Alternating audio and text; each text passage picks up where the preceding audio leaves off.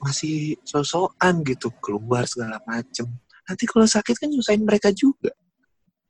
Ya kalau lu bisa sem kalau lu yang dikubur. Selamat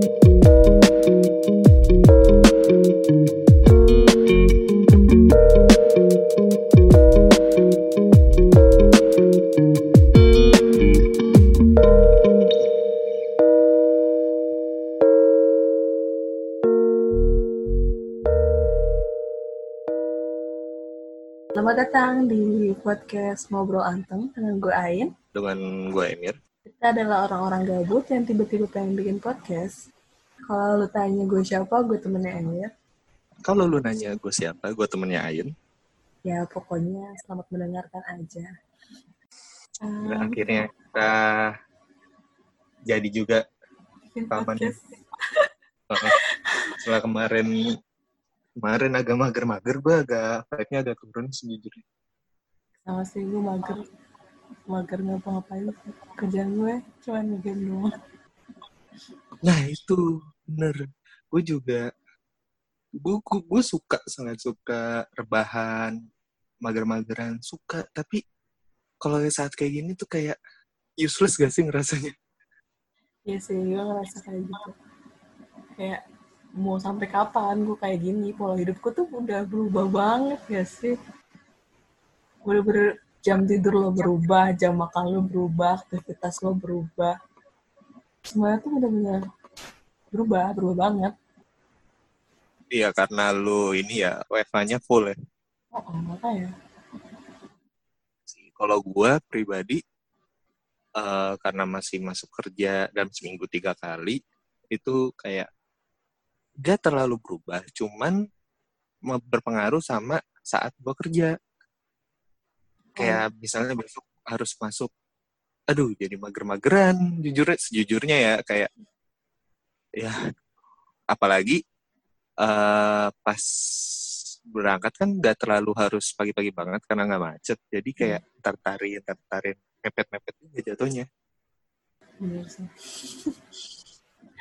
Karena gue work from home, bawaannya jadi mager buat kerja. Iya gak sih kayak gue biasanya nggak kerja di rumah, maksudnya kayak gue nggak pengen bawa kerjaan gue ke rumah karena gue pengen beristirahat. Sekarang gue ngerjainnya di rumah, jadi aneh tuh. Ya nggak sih? ya itu mungkin kalau ada orang bilang nyari kerjaan yang bisa dikerjain di rumah sebenarnya gue juga bukan tipe yang bisa bekerja dari rumah sih suasana rumah tuh bukan untuk kerja gitu Iya udah. Kayak nggak etis aja gitu kalau lu kerja di dalam rumah untuk yang biasa kerja di luar. Misalnya di, di kantor Ya, atau di Iya kan? Ya nggak sih? Jadi kebiasaan buruk. Gue jadi Iya. sekarang malah terpaksa harus melakukan kebiasaan buruk kayak gitu. Gara-gara pandemik ini. ya mau gimana lagi apalagi ditambah kalau di rumah lu kadang sering ada distract gak sih Ah banget sih, parah. ya kan Parah. Kayak lagi ngapain terus adalah orang tua kan kayak minta tolong ke mana ngapain ya udah tapi kan saat kita kembali ke kerjaan tuh kayak vibe-nya turun mm-mm.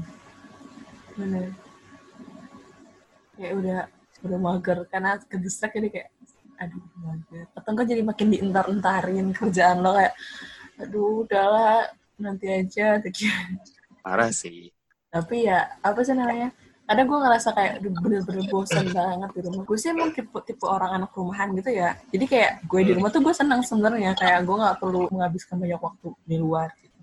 Tapi pasti ada titik jenuh kan, yang di mana gue tuh pengen keluar gak di rumah doang. Ya gak sih? iya betul Kayak, kayak gitu. gue juga kayak gitu Tapi gue ngerasa sekarang, gue ngerasa gue tuh nggak bersyukur. Karena masih banyak orang-orang di luar sana yang mereka harus fight kerja di luar. Kalau mereka nggak keluar, mereka nggak ketemu pelanggan atau apa, mereka nggak akan dapat pemasukan. Gitu loh. Dan masih banyak orang-orang di sana yang kayak fight for us gitu dengan dengan mereka mencoba untuk nge-cure nge-cure or nge-cure pasien-pasien kayak gitu. Sedangkan gue yang ngerasa bosan di rumah tuh kayak nggak ada rasa bersyukur bang. itu sebenarnya kan dari tadi kita bahas soal corona kan kayak work from home dari rumah nah dari situ gue ngerasa kayak masa WFA gini karantina banyak waktu kosong juga gak ada gitu yang bisa gua hasilin gitu. ada hal-hal yang bermanfaat di luar kebiasaan yang bisa gua bikin. Apalagi kan ini di luar kebiasaan banget kan di luar kebiasaan kesibukan kita sehari-hari. Setengah gue pikiran pengen bikin podcast sama gue juga sebenarnya suka ngobrol bahas bahas topik-topik tertentu. Gue awalnya tuh kayak yang gue cerita waktu itu bareng teman gue, Hmm. tapi kayak gak ada kelanjutannya. Udah gue ngajak lu. Lu kenapa lu mau? karena kenapa ya bener sih so pemikiran kayak keseharian gue itu selain kerja terus ngegabut. Kayak gue butuh aktivitas lain nggak sih yang bisa gue lakuin gitu? Gue udah kayak coba segala hal tapi gue masih masih gini-gini aja. Dan saat gue ngajak itu kayak oh iya ini hal baru juga. Gue nggak pernah nggak pernah nggak pernah bikin podcast. Ya udah kayak kenapa nggak gue coba gitu sebagai hal baru yang ya menarik gitu why not? Iya, iya kan? Iya, Lu pertama kali, gue juga pertama kali. nah Ada jadi awalnya ada sih gue kayak takut-takut lah. Pasti ada lah ya buat sesuatu baru tuh ada ketakutan-ketakutan. Cuman gue mikir ah udahlah coba dulu aja kita kan. Iya, mumpung media apa sekarang segalanya udah digam- dibuat gampang ya udah coba dulu aja kan selain ini nih selain Hera sekarang kita udah punya kegiatan nih? Kita udah punya kegiatan podcast nih. Selain sebelum ada kegiatan podcast ini nih selain lu kerja juga nih kegiatan apa sih yang lu lakuin gitu di rumah? Selama karantina. Heeh. eh awalnya sih tiduran. Paling main game sih. Parah harian ya. Maksudnya gue gue sekarang bukan orang yang nonton TV lagi gitu loh. Ah, iya benar benar gue ya kan? Hmm, benar benar benar. Kayak nonton YouTube pun gue kadang ada bosennya juga. Ya udah gue paling main game karena kan ya mumpung di rumah sekarang udah kerja kan. Kalau dulu kan pas zaman sekolah zaman ya zaman sekolah kayak masih diomelin suruh belajar suruh belajar. Kok sekarang kan masih bisa lah alasan. Kalau lu? Iya sih. Iya sih sekarang juga kayak gue nggak pernah diomelin untuk kayak belajar sesuatu kayak apakah dibaca, dibaca apakah dipelajarin gitu loh. Ya sekarang topik pertanyaan tuh kayak kamu nggak kerja? Ya gitu. Ya nggak sih orang tua kamu nggak ada kerjaan? Maksudnya eh, kerjaan kantor udah kelar kayak gitu. Sekarang udah nggak pernah disuruh belajar lagi. Tapi ya keseharian gue selain gue kerja biasanya gue emang apa ya rutinnya jam kerja gue kan sampai siang jam 12 setelah jam 12 gue bakal aktivitas biasa makan. Kalau misalnya sekarang puasa berarti gue nggak makan. Um, ya gue main game juga sama main game. Bener-bener full day main game. Paling ya gue bantuin nyokap bantuin bokap. Sisanya main game. Saya main game. Parah sih saat kayak gini tuh asli no life no life. pengalihan banget.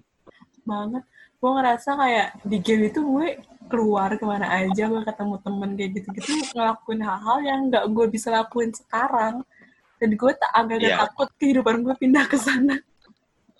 Lu jadi ini ya kayak tipe-tipe gamers yang edik banget. Iya.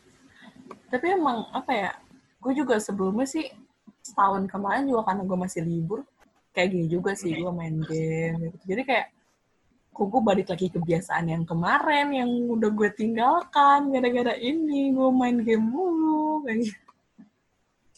cuman kan saat dulu lu masih ada pilihan untuk keluar kan Iya sih bener gue keluar. Tapi ke- keluar pun gue main game sama temen gue. oh lu oh, parah sih parah sih tapi sekarang tuh gue melihat yang main game tuh sekarang nggak cuman cowok yang mendominasi sih Iya sih banyak banyak banget. cewek udah banyak banget Banyak banget. zaman dulu Mobile Legends sih pertama gue ngeliat kalau cewek tuh sering main game juga Hmm. game yang ini ya game yang apa yang marak dimainin gitu. Mm-mm. Kayak cuma ngikutin tren doang gak sih? Biasanya kalau cewek itu kayak, eh, gue lagi main ini nih, lo main enggak? Atau kan biasanya ikut sama cowoknya. Kayak, uh, apa pengen tahu cowoknya tuh ngapain aja sih di dunia game. Gitu. Biasanya kan cewek tipikal yang kayak gitu kan, kalau main game. Iya. Cuma sekarang Cuma- kayak, enggak, enggak kayak gitu. Iya, betul. Setuju gue. Kayak banyak juga cewek yang jago main game. Parah sih.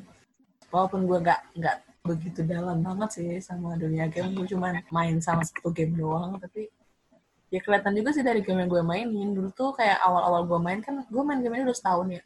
Gue awal main tuh cewek tuh dikit banget. Karena ada fitur voice itu, biasanya cewek tuh nggak pernah open voice. Pakai nearby kayak gitu. Kayak mereka uh, voice tuh biasanya lebih ke private ke teman-temannya, kayak satu satu apa komunitas kayak gitu loh. Cuman sekarang pas uh, udah setahun ini, nem- eh pokoknya setahun ini, eh ya bulan-bulan ini, ya banyak banget member, banyak banget kayak akun-akun baru yang kayak cewek, cewek open voice nearby itu banyak banget. Maksudnya kayak nggak nggak sejarang dulu. gitu. Biasanya kan banyak kan eh, cewek karakternya tapi dalamnya cowok. Iya, tuh banyak cuy. Sekarang tuh Iseng aja ya banyak banget orang iseng kayak gitu.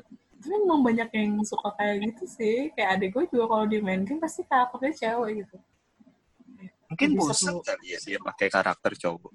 Kayak Kadang- gitu-gitu aja. iya sih tapi sekarang bajunya si cewek juga lebih bagus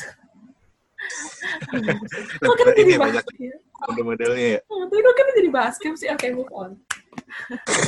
Oke, oke. Kita balik lagi. kita balik lagi ya pokoknya karena corona. Karena virus ini. Kita buat podcast. Untung kita nggak ada niatan untuk bikin video di YouTube sih ya. Kayak adek gue kemarin tiba-tiba kayak kak kayaknya gue pengen bikin video di YouTube deh. Halo lu ngapain bikin video di YouTube? Kali ya aku pengen aja gitu siapa tahu gue bisa eh, gimana gitu kata dia gitu kan. Bantu gue enggak? Sorry gue gak mau. Lu ikut di, di dalam kontennya atau lu bagian ini yang ngerekamin? gue bagian apa sih namanya? Eh, dia tuh pengen eh, nggak bukan kayak vlog atau apa gitu dia nggak mau nggak mau bikin kayak gitu. Dia pengen bikin video bikin video apa gitu. Sedangkan gue tuh yang yang dia pengen tuh gue lebih banyak kerjanya dibanding dia terus tapi video itu itu itu dia kayak maksudnya apa ini enggak enggak enggak makasih enggak, enggak gue nggak mau Dia cuma sekali ngajaknya gitu. kali terus gue sempat tolak eh, bye Jahat banget. Tapi gue gak bisa sih kalau untuk bikin video. Gue bukan tipe yang bisa nampil di kamera. Iya sih. Gak semua orang tuh pede gitu gak sih di kamera. Iya, gue gue enggak.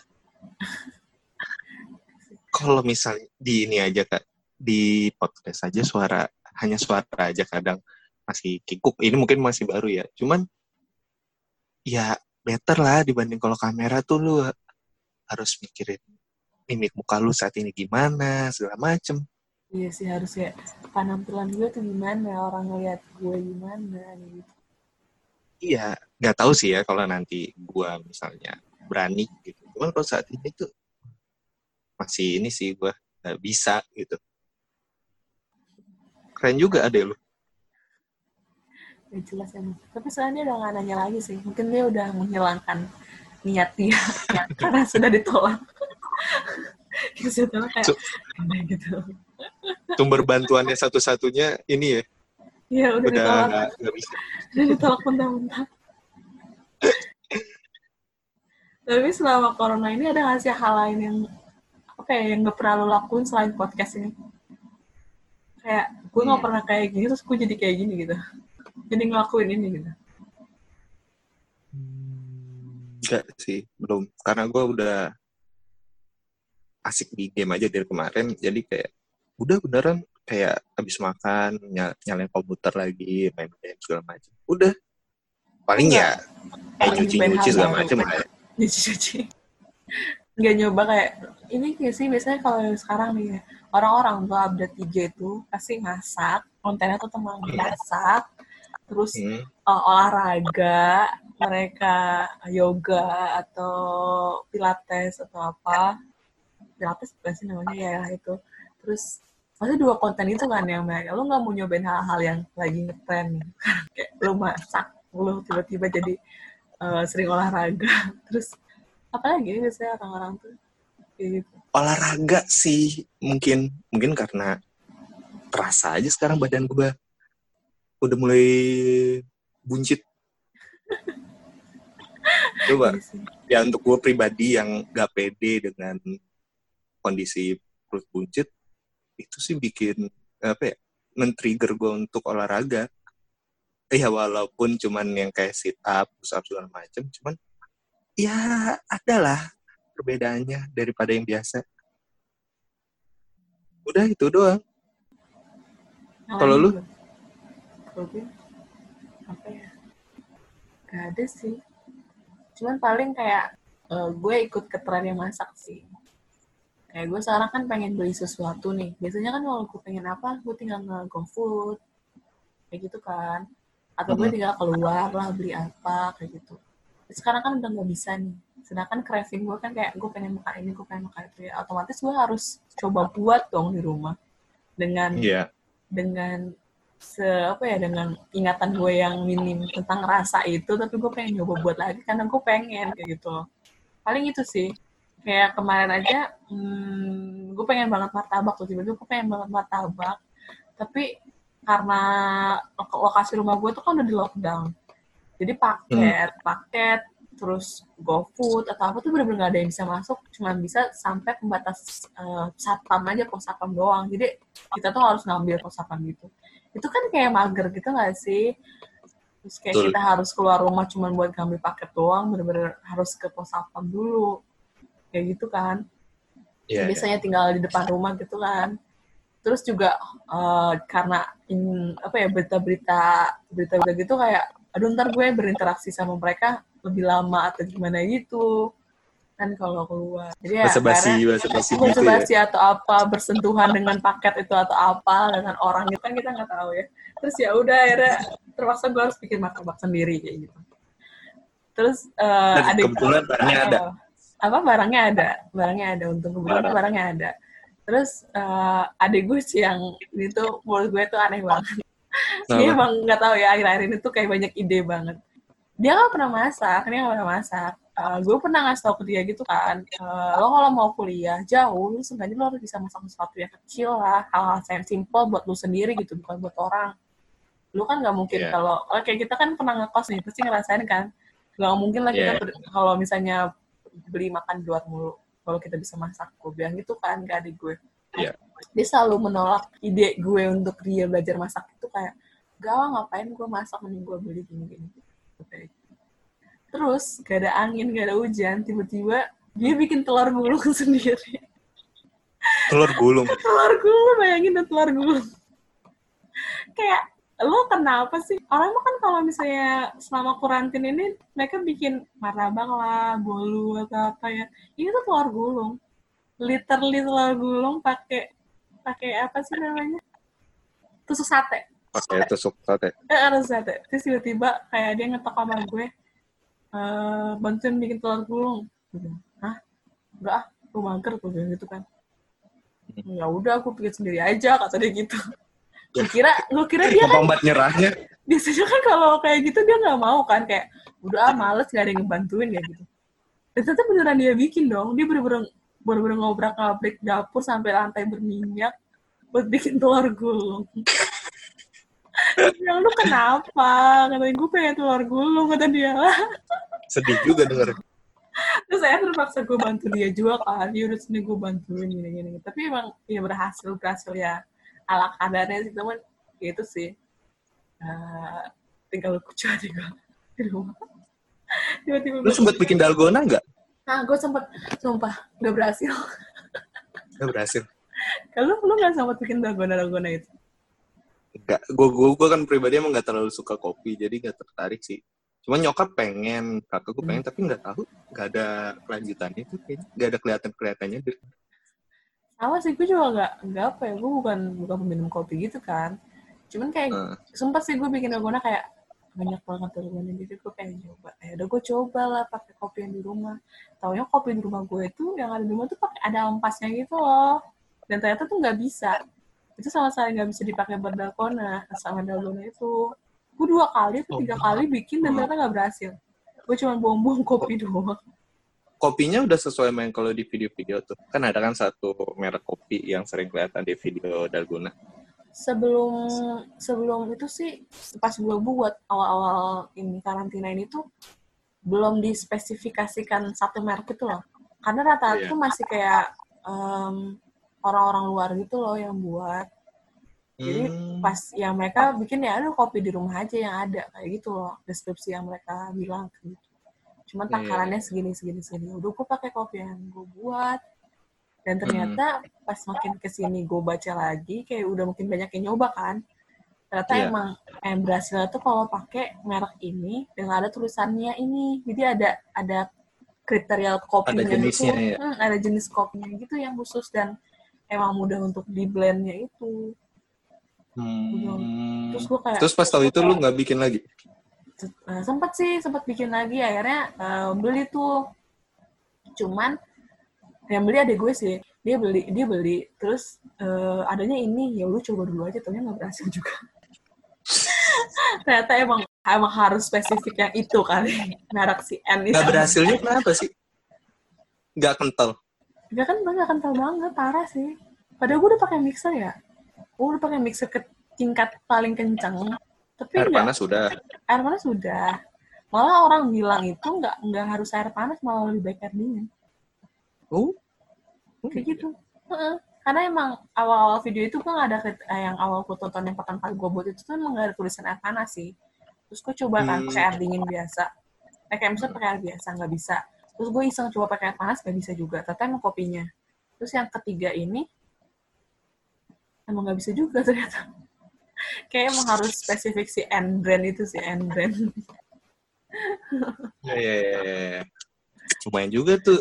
Kayaknya yang muncul kan yang sering muncul di video kan cuman sa- ya salah satu brand itu doang kan. Iya sih. Bukan Sering karena dia ada tipe blendnya itu loh. Ada nama Mungkin. tipe blend itu di pokoknya aku juga nggak ngerti. Aku bukan pecinta kopi. gue tidak mengerti urusan kopi. Ya. Balik lagi nih ke soal corona. Awal corona kan tuh pas dari Cina ya Wuhan ya. Ya, aduh. Tapi kan di Indonesia di Indo waktu itu belum ramai-ramai banget kan. Nah, belum ada kasusnya malah. Heeh. Itu beritanya udah nyebar, beritanya kan udah nyebar penyakitnya ini udah nyebar ke be- beberapa negara, tapi belum masuk ke Indonesia. Lu ngeliat beritanya itu takut juga kah atau kayak ya pribadi kayak merasa yakin kalau kayaknya enggak deh, kayaknya nggak masuk ke Indonesia. Kalau gue sendiri sih jujur awalnya tuh gue menyepelekan banget sih. Kayak pas gue baca berita, kayak gue gak yakin gitu loh. Oh, kayak, hah, beneran ada nih. Apa ini cuman kayak isu awal doang, juga bakal tiba-tiba hilang, kayak gitu loh. Gue nggak, nggak apa, mungkin karena belum belum kita ngerasain sendiri nggak sih? Karena itu kan pas awal-awal banget itu masih jauh lah intinya itu di Wuhan bakal lama gitu kan kalau nyampe ke Indo gitu lah intinya jauh banget ya Allah kayak menyepelekan gitu kayak ah paling juga cuman isu-isu doang kayak gitu kan juga hilang musiman lah intinya gue mikir kayak gitu Iya, Gua- tambah lagi ada meme-meme yang kayak Ya. kalah sama masuk angin segala macem ya. iya dan bahkan nggak cuman kita orang Indo doang kan karena orang-orang orang sana orang luar sana juga kayak masih belum momen apa ya masih belum aware gitu loh. Apa sih bahasanya? Kayak ya nggak nggak nggak terlalu takut kayak gitu. Karena ya, ya itu di Wuhan gitu loh. Belum nyampe ke sini juga intinya gitu. Terus selama kelamaan gue baca berita kayak hmm, orang-orang yang pernah pernah berkunjung ke Wuhan itu pas pulang mereka nggak bawa virus dan ternyata tuh fatal has ternyata tuh fatal dan membahayakan gue awal mikir gitu loh kayak wah ini udah mulai udah mulai kacau nih Serem. gimana? Udah mulai serem nih lama kelamaan udah gitu negara tetangga juga udah mulai kena. Bahkan Hmm, negara-negara maju lah seenggaknya negara-negara maju yang lebih higienis dibanding Indonesia lebih bersih yang udaranya lebih segar dan apa ya teknologi mereka maju, kesehatan soal kayak gitu-gitu mereka maju itu kena juga. Itu kayak wah ini serem juga nih. Apa jangan-jangan bakal kayak di film-film gitu lah kan horor juga kan. Iya, bener sih.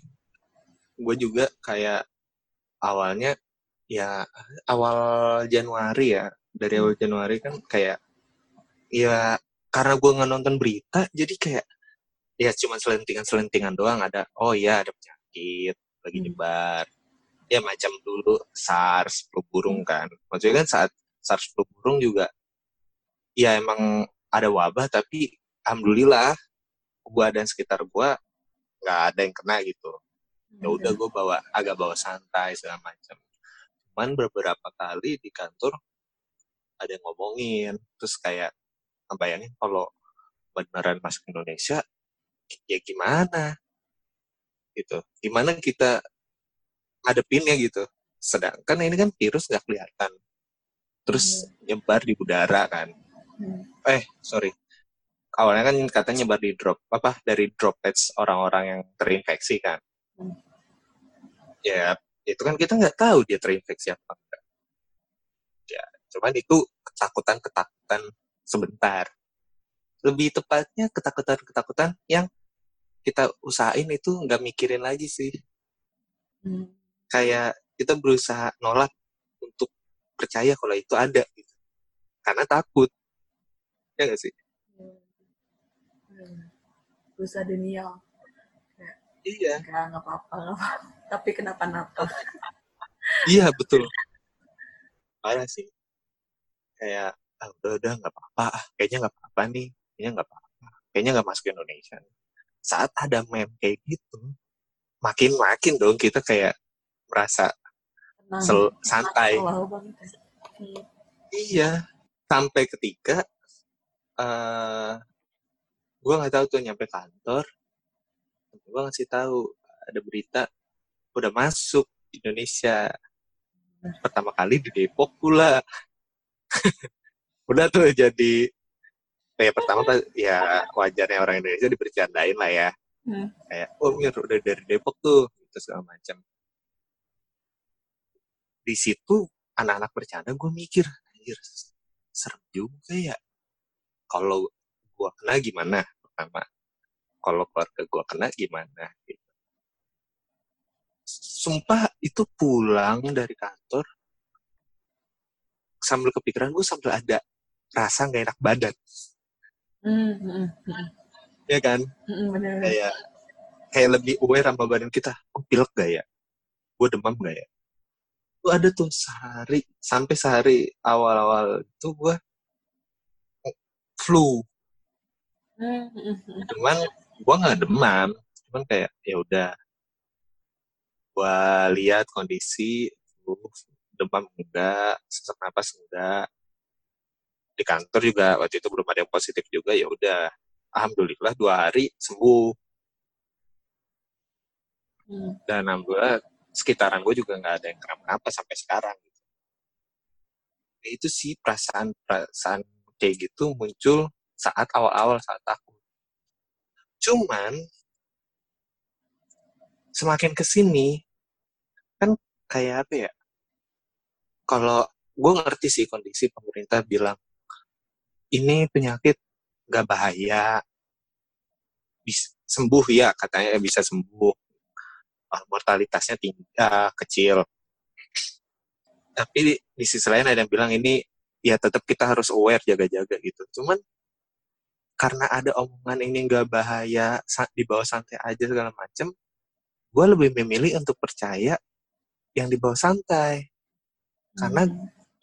karena apa ya psikologis gue tuh nolak untuk nerima berita-berita yang bikin gue stres Hmm. Bener sih. Kadang Daniel Iya tuh kan? perlu. Hmm, Daniel, Daniel tuh perlu supaya nggak sakit. Iya, cuman di sisi lain gue langsung beberapa awal, eh beberapa hari awalnya mas corona di Indonesia tuh, wah rajin banget gue cuci tangan, minum air putih. Air putih sih, air putih sama cuci tangan tuh, wah udahlah rajin lah. Kalau lu gimana? Eh, apa ya iya sih sama sih gue juga kayak gitu kayak gue banyak denger denger berita gitu kan karena ruang lingkup gue tuh banyak kan ibu-ibu ya. Di di tempat Hmm. gue tuh banyak kan ibu-ibu.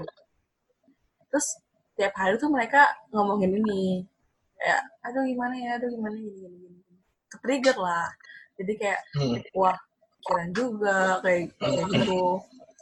Apalagi nggak cuman ibu-ibu ruang lingkup gue juga kan banyak anak kecil. Banyak banget anak Iya. kecil lo inget gak sih gue tuh sempat dirawat kan sebelum Hmm. corona itu. Jadi sebelum corona itu masuk ke Indonesia itu gue sempat dirawat. Jadi gue sempat sakit sekitar dua minggu itu. Hmm. gue gak kerja dua minggu gue dirawat gue dirawat gara-gara DBD habis itu gue kerja. Di saat gue baru Iya. masuk kerja itu tiba-tiba ada berita kalau corona itu masuk ke Indonesia. Pas masuk ke Indonesia itu sedangkan gue tuh harus balik lagi ke rumah sakit jadi Ah, gue tuh masih gue tuh eh, udah keluar dari rumah sakit tapi gue masih bed rest di rumah dan gue harus kontrol kan. Hmm. jadi gue tuh bener-bener was-was banget selama di rumah sakit. Sebelum kontrol aja tuh gue kayak mau keluar gitu kayak eh, pakai masker pakai masker kayak gitu kan. Karena daya tahan tubuh gue masih belum stabil dong namanya gue baru sakit kan. Pakai masker pakai masker sampai pas gue kontrol aja tuh gue kayak was-was nengok kanan kiri gue berusaha jaga jarak gue berusaha itu. Kadang eh, orang kalau namanya di rumah sakit kan kita nggak tahu ya banyak virus kayak sumber penyakit itu sebenarnya dari rumah sakit juga Iya. Gitu kan betul. karena ya semua di situ gitu penyakit gitu kan. Orang-orang yang sakit ya. orang-orang yang sakit emang di situ kan Iya.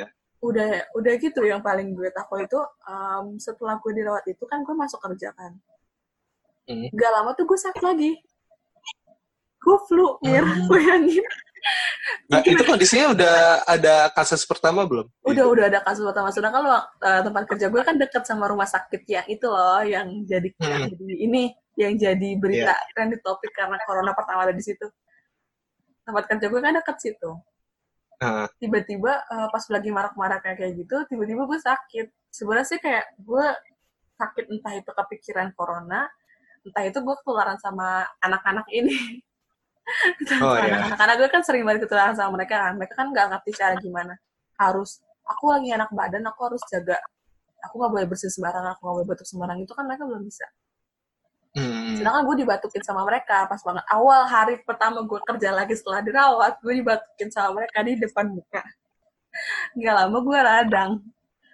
Nggak lama gue radang. Dan itu tuh Hmm. berita-berita topik itu tuh lagi panas-panasnya banget tuh sih corona satu keluarga tuh langsung pada panik kayak wah wah wah ini kamu nggak tahu kamu lagi banyak virus gini gini gini kok bisa flu lagi? Kok kamu baru keluar rumah sakit udah flu lagi? Kayak gitu.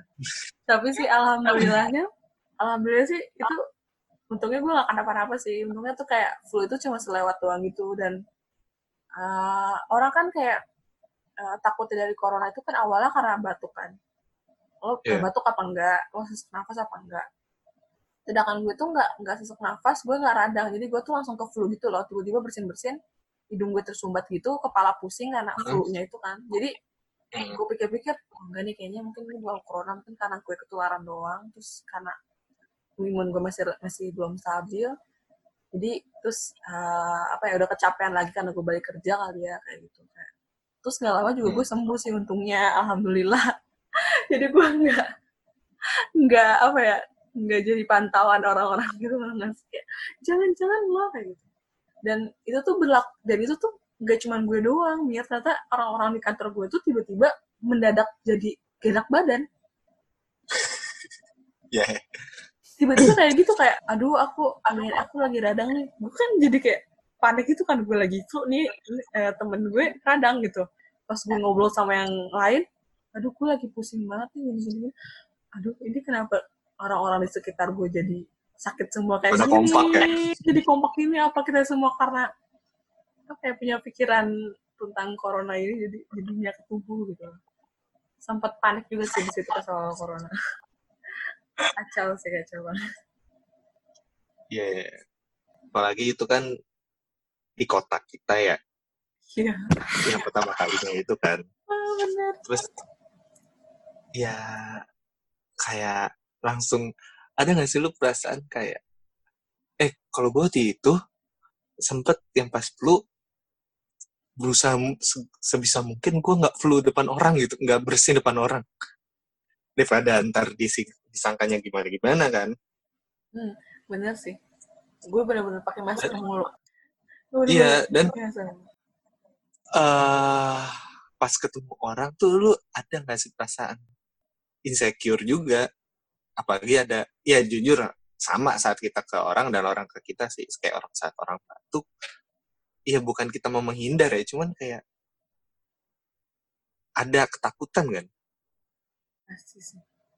Bener sih. Karena apa ya, yang eh, virusnya itu tuh bukan kayak gue takut kena ke gue doang. Tapi gue takut gue sebagai pembawa virus itu ke anggota keluarga gue itu sih. Makanya kadang kayak, eh, tapi untungnya sih gue alhamdulillah udah punya ke- udah punya kebiasaan kayak kalau emang gue suka kesel paling kesel banget kalau ngeliat orang bersin bersin seenak jidat itu atau batuk seenak jidat itu gue kayak udah udah nyinyir dalam hati gitu loh kalau orang kayak gitu. Tapi sekarang jadi kayak mungkin gue udah biasa gitu menyinyirkan orang yang bersin bersin kayak gitu. Cuman jadi lebih parno kayak lebih langsung eh, refleks untuk ngejauh atau gimana gitu loh atau langsung Iya. ngomentarin langsung kayak gitu Karena kan yang kita pikirin orang di rumah kan, orang Hmm. tua kita takutnya tahu kita bawa ke rumah segala macem. Iya. Iya.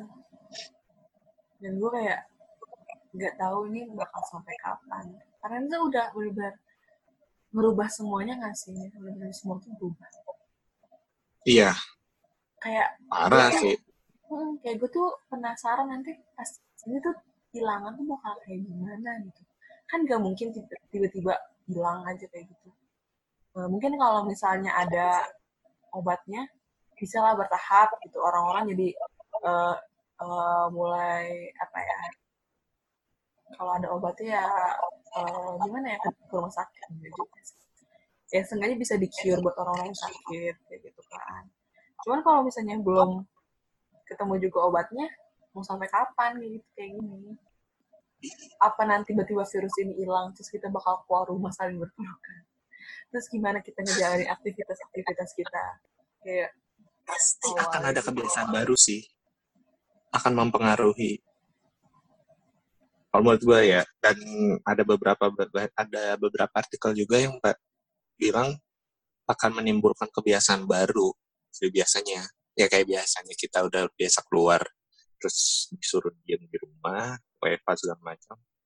Mungkin nanti akan, ya nggak tahu ya, mungkin nanti akan ada orang terbiasa mau malah jadi lebih sering di rumah. Bisa juga orang yang kayak balas dendam gue kemarin-kemarin nggak bisa di rumah, sekarang keluar segala macam.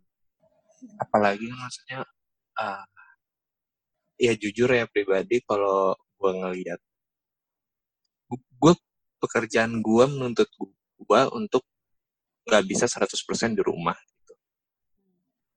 Gue melihat orang-orang yang maksudnya, jadi khusus yang kayak dia keluar karena bosen atau segala macem, atau untuk main doang maksain gitu. Gue jujur melihatnya agak ini sih, kesel iya, eh apa ya, iri iya gue jujur iri enggak, karena gue mungkin ini ada pengaruh dari beberapa video yang ngeliatin gimana tenaga-tenaga medis itu di rumah sakit lah merawat orang-orang yang kena kan. Apalagi sempat kan kita dapat eh, konsumsi video-video tentang gimana di Italia segala macam kan. oh iya Itu sih yang membuat gue kayak udahlah ayo eh kalau nggak penting-penting banget di rumah aja dulu gitu. Kalau pemahaman yang gue dapet, lu misalnya di rumah nih, rapi semua di rumah dulu. Sebulan dua bulan mungkin cepet gitu, mungkin lebih bisa lebih cepat selesai masalah kayak eh, pandemi ini, atau enggak lebih cepat membaik gitu. Tapi kan ad- tetap ada orang-orang yang kayak gak sabar, oh udah nih gue pengen keluar ah segala macem. Gue gak betah di rumah. Ya kita kan juga nggak bisa ngelarang cuman ngelihatnya itu loh yang kayak kayak Bo. hey di sana tuh ada orang yang berjuang gitu Buat lo. tenaga-tenaga medis. Iya itu buat kita. Mereka tuh di sana berkorban gak ketemu keluarganya. Banyak juga kan cerita yang mereka nggak pulang ke rumah karena takut nularin ke anak-anaknya. Hmm, ya kita yang nggak ngerasain itu kita yang nggak di tengah-tengah kumpulan penyakit di rumah sakit itu Hmm. masih sosokan gitu keluar segala macem. Nanti kalau sakit kan nyusahin mereka juga. Ya kalau lu bisa sembuh kalau lu yang dikubur itu sih maksudnya dasar pemik apa dasar pemikiran gua untuk ya udah mending nurut. uh, gue menahan diri banget lah untuk nggak ke mana-mana segala macem Nah, itu cuma buat lo sendiri gitu, bukan buat orang lain. Iya nggak sih? iya Banyak ya gitu. Banyak teman-teman, banyak temen gue yang kayak orang tetap masih kerja di luar juga, kayak lo juga masih kerja keluar juga. Orang tua gue juga masih berangkat kerja. Kayak kapan sih semua ini berakhir?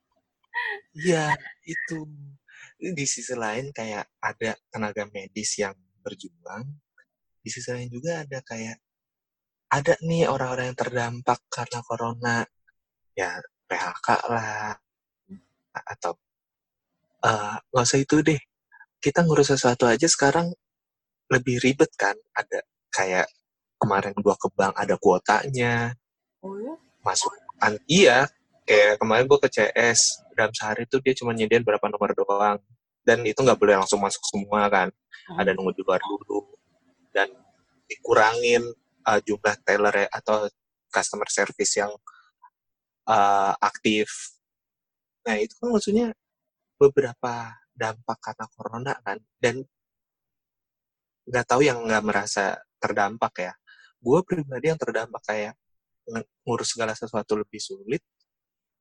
Ya kayak udah ayo ke apa yang kita bisa ya di rumah ya udah ayo di rumah ada orang-orang yang nggak bisa untuk di rumah. Kita yang bisa di rumah, udah di rumah aja gitu. Barang sebulan dua bulan, Hmm. Yang penting ini kelar, cepat selesai gitu. Banyak Hmm. sekarang kan yang orang yang nggak punya rumah karena dia di PHK nggak Iya. bisa bayar kontrakan, diusir, gitu kan. Kayak Apalagi siap. kriminalitas sekarang di Depok juga. Tinggi. Oh. Bokap gue sekarang ikut ronda. Oh iya, iya serius sampai harus kan nggak tahu tiba-tiba tuh kayak bokap gue bilang kayak "Eh, ayo bakal ronda di tanggal segini. Ngapain ronda? Oh dia gitu. Emang sapamnya diberhentikan atau gimana? Gue nanya gitu. Enggak cuman ya emang sudah diwajibkan gitu loh kayak udah himbauan gitu kalau tiap daerah lebih baik tidak ke ronda karena tingkat kriminalitas itu lagi tinggi kan sekarang. Orang lagi butuh duit Iya. banget duit. Iya sih? Iya. kacau banget dunia ini kacau Jangan sampai, semoga jangan sampai kacau. eh ya kita paham lah ada sektor-sektor yang nggak bisa masuk kan, eh yang nggak bisa untuk di rumah gitu. Kalau misalnya kayak sektor-sektor taruhlah sembako, bagian-bagian bidang sembako. Kalau mereka nggak kerja, kita mau makan apa? Gitu. Ya udah mereka udah berkorban dengan kerja. Kita juga harus berkorban gitu dengan cara Iya. stay at home di rumah aja Iya. Biar cepat selesai kan. Terus pekerjaan lu selama Hmm. masa pandemi gini gimana? Eh, we- apa video conference juga? gue ada jadwalnya sih jadi jam kerja gue tuh kalau sebelum bulan Ramadan ini sih dari jam 8.30 sampai jam 12 itu jam kerja gue jam yang pure gue harus mantengin laptop gitu loh. Karena video conference terus karena ngebahas eh, topik atau kayak gitu-gitu ngebahas kerjaan itu sampai jam 12 Setelah jam 12 gue udah bisa free time. Walaupun sebenarnya kayak masa gak sih lo nggak bisa lepas penuhnya dari kerjaan? Karena jam kerjanya tuh kayak kacau. Walaupun dari kantornya sendiri itu dibatasi sampai jam 12 tapi setelah itu kita Hmm. masih ngebahas kan untuk besok kayak gimana Cuma untuk Ramadan ini sih lebih cepet sih kayak cuman ya eh sama sih jam 11 jam 12 juga cuman video conference cuma dibatasi sekali doang. Karena gue bukan kerja di kantoran gitu jadi lebih ini sih biar sih ya? Lebih apa ya? Lebih nyantai sih. Cuman kan ya ada bedanya juga lah gitu. Iya. untuk kerjaan. Cuman karena Cuman apa ya gue bekerja di bidang pendidikan sih. Yang gue takutin tuh nanti penerimaan murid baru gimana? Itu yang gue pikirin sekarang ini mau sampai Iya, kapan iya. berlangsung? Sedangkan ini tuh udah bulan Mei. Seharusnya bulan Mei ini tuh pendaftaran itu udah udah mulai ditutup. Kayak udah menyiapin. Harusnya tuh udah nyiapin jumlah murid baru buku-buku kelas. Itu tuh harusnya udah nih sekarang apalagi Tapi bulan hmm, apalagi bulan Mei ini kan masa-masa harusnya ujian kayak ujian SNMPTN udah mulai. Iya. nanti itu Juni itu Juni Juli itu udah SM, udah SBMPTN udah penerimaan universitas juga. Itu gimana gitu loh ma- ma- mahasiswa baru baru sekolah-sekolah SD sampai SMA itu kayak gimana? Masa via online? Sidang aja sekarang udah banyak yang online kan sidang skripsi. kalau online eh kalau sidang sih menurut gue masih kayak fine gitu. Karena eh, lo udah apa ya lo udah terbiasa ketemu dosennya lo udah, udah terbiasa ketemu gurunya lo udah kenal satu sama lain lo udah mempersiapkan sebelum adanya wa- apa namanya karantina itu lo udah udah mempersiapkan gitu loh udah udah terbiasa gitu. Cuman kalau yang untuk mulai dari baru kayak murid baru kayak gitu kan mereka baru nih masuk lagi ke ranah baru gitu. Terus tiba-tiba udah via video call kayak gitu. Kayak gimana ya? Kayak Ngerti gak kayak sih? lu video call dengan orang benar-benar orang baru. orang baru yang kita nggak tahu kayak gimana Iya. iya sih sedangkan kan kalau tenaga pendidik kayak gitu kan lo harus bisa merubah kebiasaan lama si pendatang baru ini kan Iya. kita bisa merubahnya kalau cuma dari video call sedangkan ada ada ya untuk kayak dari SD SMA itu masih ada ya. orang tua di belakangnya gitu loh nggak bisa nggak bisa sepenuhnya Iya. turun tangan terus yang Iya sih, baru kepikiran juga gue penerimaan siswa baru dan lain-lainnya. Gak bisa, ya sulit juga untuk video call ya. Iya. Udah gitu kayak misalnya em, sidang online gitu. Otomatis wisuda mereka kan depending walaupun kayak ada mulai kayak wisuda online kayak gitu cuman kayak kurang apa ya biar aja gitu nggak dapet feel-nya Iya, iya ya. Iya. banget ya feel-nya terus? Bayang sih gue. terus kan misalnya mereka udah wisuda online gitu, atau sidang online mereka kan otomatis harus daftar kerja kan melamar kerja kayak gitu. Terus harus via online juga. Harus kerja via online gitu. Kalau misalnya kerja via online oke fine sih. Masih fine sih. Cuman kayak gimana gitu. Untuk memulai kenal sama orang baru melalui online tuh kayaknya sulit ya. Iya harus Langsung sama. video conference. Pokoknya harus bekerja sama gitu ya sulit sulit bangun lagi untuk ketemu langsung aja tuh untuk membangun kerjasama yang solid itu tuh susah banget apalagi kita video conference itu dengan minim waktu juga kan. Gak bisa Iya. kan kita seharian pantengin laptop buat video conference itu kan gak bisa juga. Benar sedangkan kalau kerja kan kita emang punya waktu segitu kita emang harus ketemu gitu loh. Ya kan mau kalau video conference kan enggak enggak ada waktu-waktunya kayak enggak enggak bisa terbangun gitu loh Iya. Dan- Iya. Walaupun teknologinya udah sangat menunjang, tetap aja hal-hal konvensional tuh nggak bisa lepas. kebiasaan kebiasaan yang lama susah nanti kita bakal punya kebiasaan kayak gini untuk balik dari kebiasaan lama gak bisa bisa di rumah Itu bukan ditakutkannya ya, tapi ya kita harus mempersiapkan lagi. Setelah corona ini kita mau yang kayak gimana. oh gak kepikiran sih. Kayak gue tuh mikir kayak gue nggak pernah ada kepikiran bakal ada kejadian kayak gini. Itu kayak kayak apa ya di luar nalar kita banget nggak sih kalau bakal ada virus yang sampai melockdown seluruh dunia kayak gini Parah sih. yang di pikiran kita kan kayak ehm, besok kita kerja besok kita ke sekolah nanti kalau udah kerja saya belum mau nikah atau belum mau apa kayak gitu doang nggak nggak ada kepikiran nanti akan ada wabah ada apa itu gue harus mempersiapkan kalau tiba-tiba ada alien datang kayak gitu begitu kan kita nggak pernah ada kepikiran kayak gitu nggak sih Iya. Kayak Walaupun wabah-wabah kayak gini udah udah masuk. pernah terjadi ya. Hmm, udah pernah terjadi. Kayak Ebola atau apa flu dulu pas awal-awal. Cuman kan bukan di generasi kita. Mm-mm. kayak itu kan udah udah yang kayak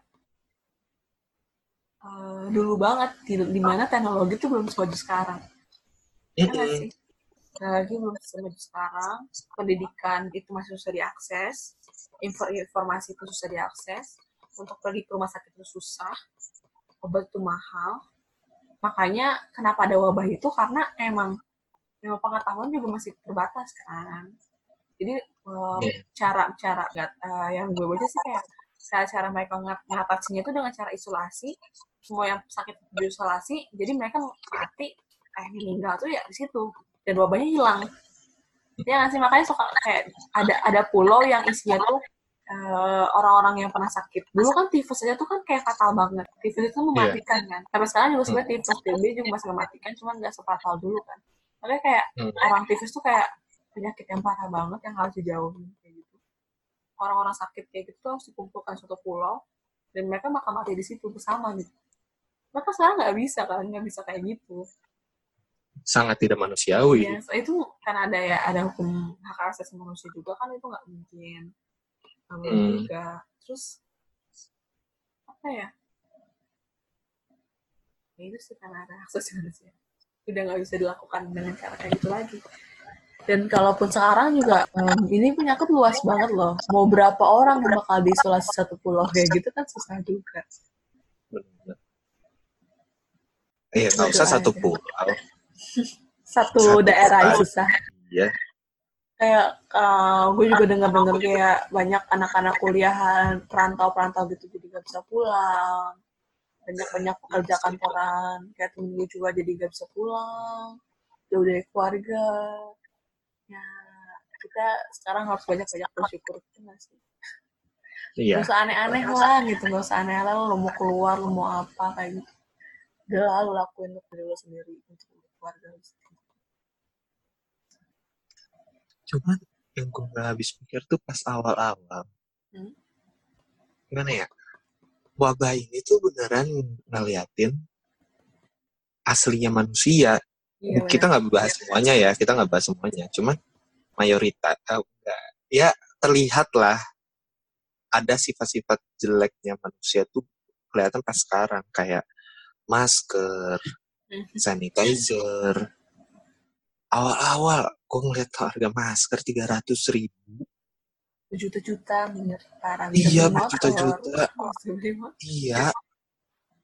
Sedangkan gue biasa beli tuh isi 50 25 ribu. 25 sampai 30 ribu lah. Hmm. Untung kemarin gue masih nyetok gitu. Ada satu, masih gue sebelum corona gue sempet beli satu pak itu dengan masih harga normal. Hmm. Pas gue balik lagi ke apotek itu, eh pas gue beli itu apotek emang nyediain lagi banyak tuh disimpan kelihatan di dari tempat gue beli. Hmm. Setelah masuk corona gue nanya, gue ngobrol sama apotekernya. Iya waktu itu banyak yang borong sampai 4 karton. Oh. Ya Allah. Gue nggak tahu itu yang borong itu mau nimbun atau enggak ya. Kita pakai asas praduga tak bersalah lah. Cuman eh yang nimbun-nimbun ini apa mereka nggak punya hati gitu? Berarti kan mereka oke mereka nyari untung. Iya boleh nyari untung tapi ya wa yang wajar aja gitu. Kalau mau naikin masa sampai 300 ribu sampai berjuta-juta. Kalau lu masih Hmm. naikin jadi 40-50, orang masih masuk akal lah.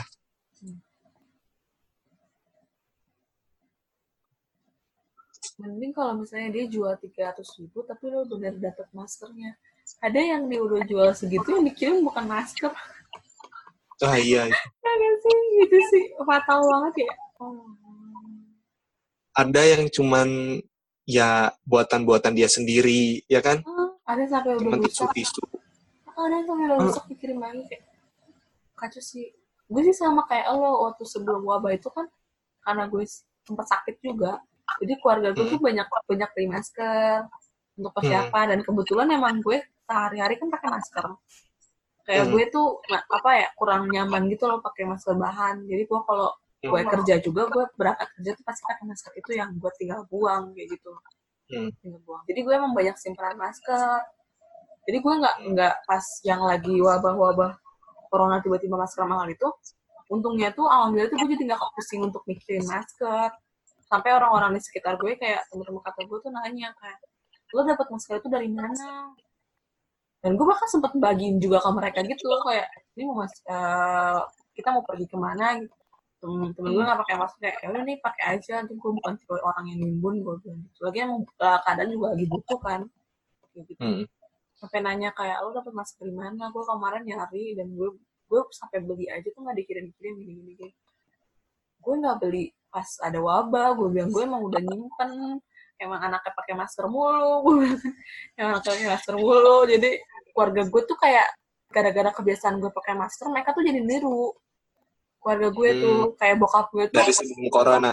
sebelum dekor tuh kayak gitu. Kayak adik gue tuh Hmm. sekarang kayak nyimpen masker tuh udah wajib kayak dia kalau Hmm. ke, ke kampus tuh kayak kak minta masker dong gini gini gini gini. Dia pakai masker. Kayak bokap gue aja kayak di mobil juga ada masker. Bokap gue tuh kayak gitu sama kayak gitu kayak bokap gue tuh tahu kalau dia belanja tuh harus beli masker karena karena permintaan gue. Jadi kayak Hmm. ya kenapa nggak kebiasaan itu lo pakai juga gitu lo orang-orang orang-orang sana? Jadi kayak ada untungnya juga sih kebiasaan kebiasaan kayak gitu. Gue semenjak kuliah sih. Pakai masker kan iya sih Iya. kan tempat kuliah kita debu Pertama itu, kedua di Prima Jasa. oh iya bener itu wajib oh, gue nggak nggak bisa Kalau kan gue bukannya so higienis, cuman saat kalau lu di bis tidur kan suka nggak nganga ya. Setidaknya kan itu bisa nutupin ngangaknya kita kalau pakai masker kan. Oh itu Oh. sangat bermanfaat sih. apalagi bawa rokok bawa rokok itu tuh kalau gue nggak pakai masker gue nggak bisa nafas. Lu bisa banget ya. bawa rokok di ruangan ber AC itu. Gue nggak bisa nafas. Maaf pada orang-orang perokok di luar sana. Eh tapi boleh lah. Next topics kita harus membahas tentang anak kosan sih. Boleh, bisa. pejuang. Itu kita agendakan. pejuang. Ini apa sih namanya? Hmm, next next topik anak kosan perantau Lanjas. Boleh, boleh. Terus kayak pas gua waktu itu dari kantor gua disuruh ke lapangan tuh. Ada rencana gua turun ke lapangan Heeh. saat corona. Heeh. Wah, agak ketakdir ya sejujurnya. Ya udahlah, gue coba nyari hand sanitizer Hmm. dari apotek yang terkenal sampai yang deket-deket rumah yang kecil-kecil kosong. Parah. Gue juga Iya. sempet sih. Nyari kayak gitu susah Iya, susah banget. Maksudnya kan gue kalau nggak ke lapangan gue nggak bakal beli. Cuman kan ini emang kebutuhan kan karena daripada gue nanti kenapa-napa keluarga gue kenapa-napa ya gue beli gitu. Sampai nggak ada. Yang maksudnya apotek gede deh yang terkenal tahu kan lo maksudnya ya Hmm. Iya tahu terlengkap lah. lah. Merek itu merek itu. Iya. Terbilang lengkap kan? Nggak ada. Gue juga sempet tuh nyari di apotek. Kebetulan sih gue itu emang tujuannya. Itu mau beli eh, sunscreen buat muka Hmm. eh kayak trigger gitu kayak apa gue sekalian beli ini kali ya beli masker. Eh beli masker gue beli san sanitizer nggak ya gue tanya kan sebenarnya gue udah lihat tuh di satu rak itu ada yang sanitizer. Jadi itu tuh kayak rak terpencil gitu tinggal satu-satunya. Terus gue Hmm. tanya kan iseng sama mbak mbaknya. Maksudnya gue nggak mau karena ini kan merek yang bukan biasa gue beli gitu. Gue pengen beli yang merek Iya. lain. Tanya kan sama mbaknya mbak ada hand sanitizer enggak oh udah nggak ada udah habis. Kalau masker nggak ada. Udah habis juga. Jadi gue balik dong langsung buru-buru. Kerak itu gue ambil aja sanitizernya ini saya bayarin. Nggak tanya nggak ada. Katanya nggak ada nih sama nyempil satu. Gue beli. Sebel. Kayak kayak sambil songong kayak gambarnya. Enggak sih, itu gue gak, gue pakai masker, waktu itu gue pakai masker, gue langsung kerja pakai masker, jadi enggak, gue gak songong. Gue. Gitu. Kayak, ya Terus harganya masih normal gitu. Uh, gue gue karena gue gak familiar sama merek ini, jadi itu tuh, fam- menurut gue tuh ini tuh bukan bukan merek yang bisa ngeluarin hand sanitizer, ini tuh merek brand anak kecil yang Hmm. biasanya ngeluarin sabun, sampo, sama parfum. Warna Hmm. kecil. Makanya tuh hand sanitizer tuh wangi banget. Wangi tuh bener-bener wangi banget. Gue nggak tahu ini ada kandungan apa di dalamnya. Ya udah gue beli aja dulu. gue beli. Pas gue beli sih gue nggak tahu tuh harganya. Harganya berapa ya. Harga normal. Jadi kayak ya udah gue beli aja. Kecil banget. Cuma kecil banget. Gambarnya ada gambar kartun. Ngamanin dulu aja ya. Daripada nggak Ada. dapet. Iya, tinggal satu-satunya gue tanya nggak ada apa ya gue pakai beli aja udah. Daripada gue beli, daripada gue nggak ada kan gue jaga-jaga aja. Udah lama juga nih. Ya kita harus akhirnya ke jam segini sebelum gue diciduk bokap gue. Suruh tidur. Iya, iya, iya.